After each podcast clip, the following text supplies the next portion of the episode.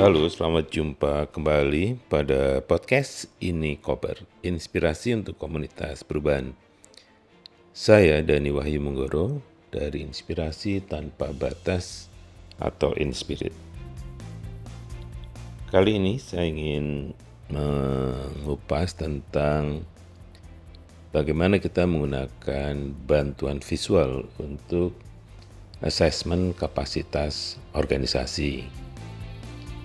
Seperti kita ketahui bahwa organisasi itu adalah bagian dari upaya beberapa orang yang memiliki ide untuk bisa mengorganising idenya untuk mencapai tujuannya.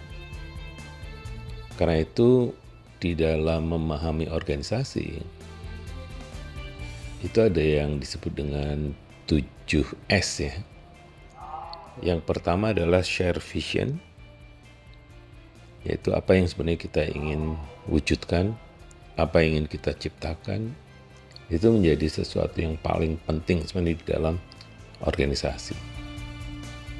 Jadi di sini pertanyaannya adalah apa yang sebenarnya ingin diciptakan dalam waktu 5, 10, 15 sampai 20 tahun ke depan. Yang kedua, S yang kedua itu kita membicarakan tentang strategi. Bagaimana caranya? Apa yang kita harus lakukan? Dan yang paling penting sebenarnya adalah juga menanyakan mengapa kita melakukan hal itu. Nah, itu yang kaitannya dengan strategi yang isinya sebenarnya adalah tentang misi juga, tentang values juga. Jadi ada kaitannya dengan share vision ya tadi yang isinya ada visi, ada misi, ada values. Nah, strategi membicarakan tentang cara dan rencana yang bisa mewujudkan visi itu.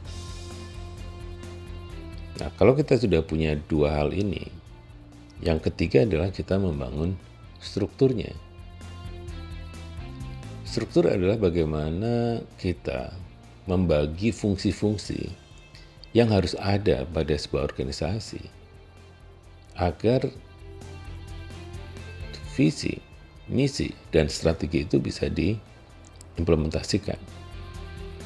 Karena pada strategi kita itu adalah pekerjaan yang sangat besar ya dan strategi yang sangat menantang karena melibatkan bagaimana pihak lain itu mau ikut pada apa yang kita sedang ingin ciptakan.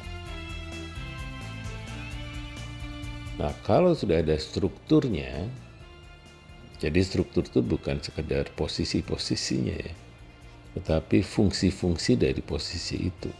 Dan bagaimana posisi itu saling berkomunikasi, berkoordinasi, bersinergi.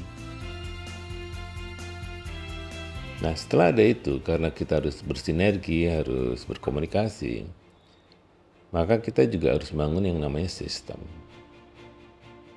Jadi yang keempat itu sistem. Sistem itu kaitannya sebenarnya dengan manajemen, dengan prosedur, dengan proses-proses agar antar posisi yang ada di dalam struktur itu itu bisa bekerja dengan optimal.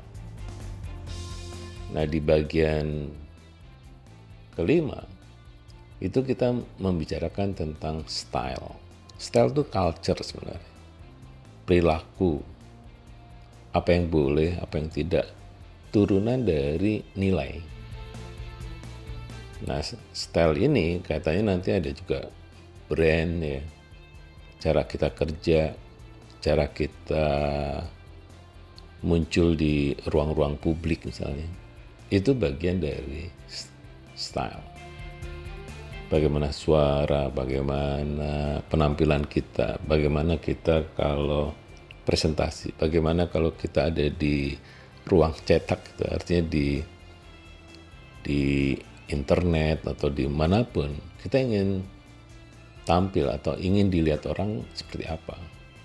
Warna dan dan sebagainya. Bahkan dalam beberapa secara organisasi pilihan fontnya itu bagian dari bagaimana organisasi itu memiliki kebudayaannya.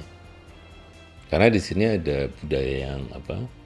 Yang rebel atau yang lebih kalem atau yang lebih apa namanya lebih profesional dengan apa yang lebih fun itu bagian dari pilihan-pilihan style yang bisa membuat organisasi itu makin mudah mencapai visi misinya. Nah, bagian yang keenam adalah skills.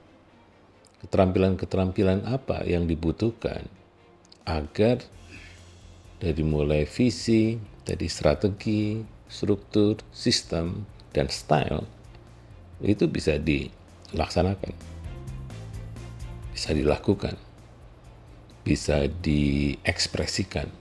Nah ini butuh keterampilan-keterampilan tertentu.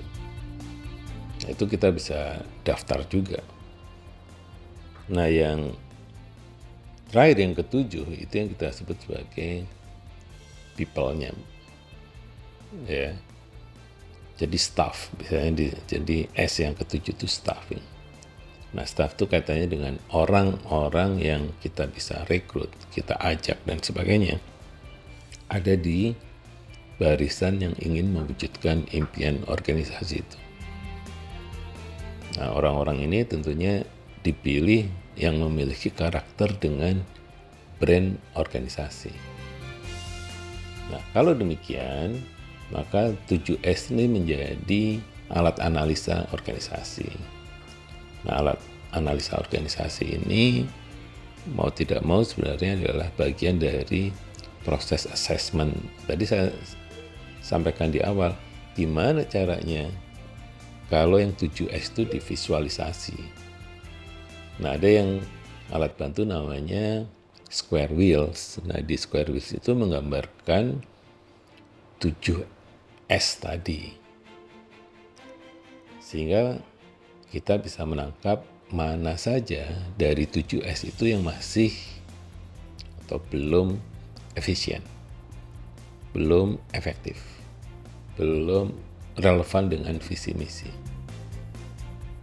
Nah, dengan melihat gap itu atau melihat inefisiensi dalam organisasi, biasanya agak sulit kalau dilihat dari pembicaraan atau teks, tapi dengan visual kita bisa menangkap sinyal-sinyal yang lebih dalam dibandingkan kalau kita diskusi tanpa visual.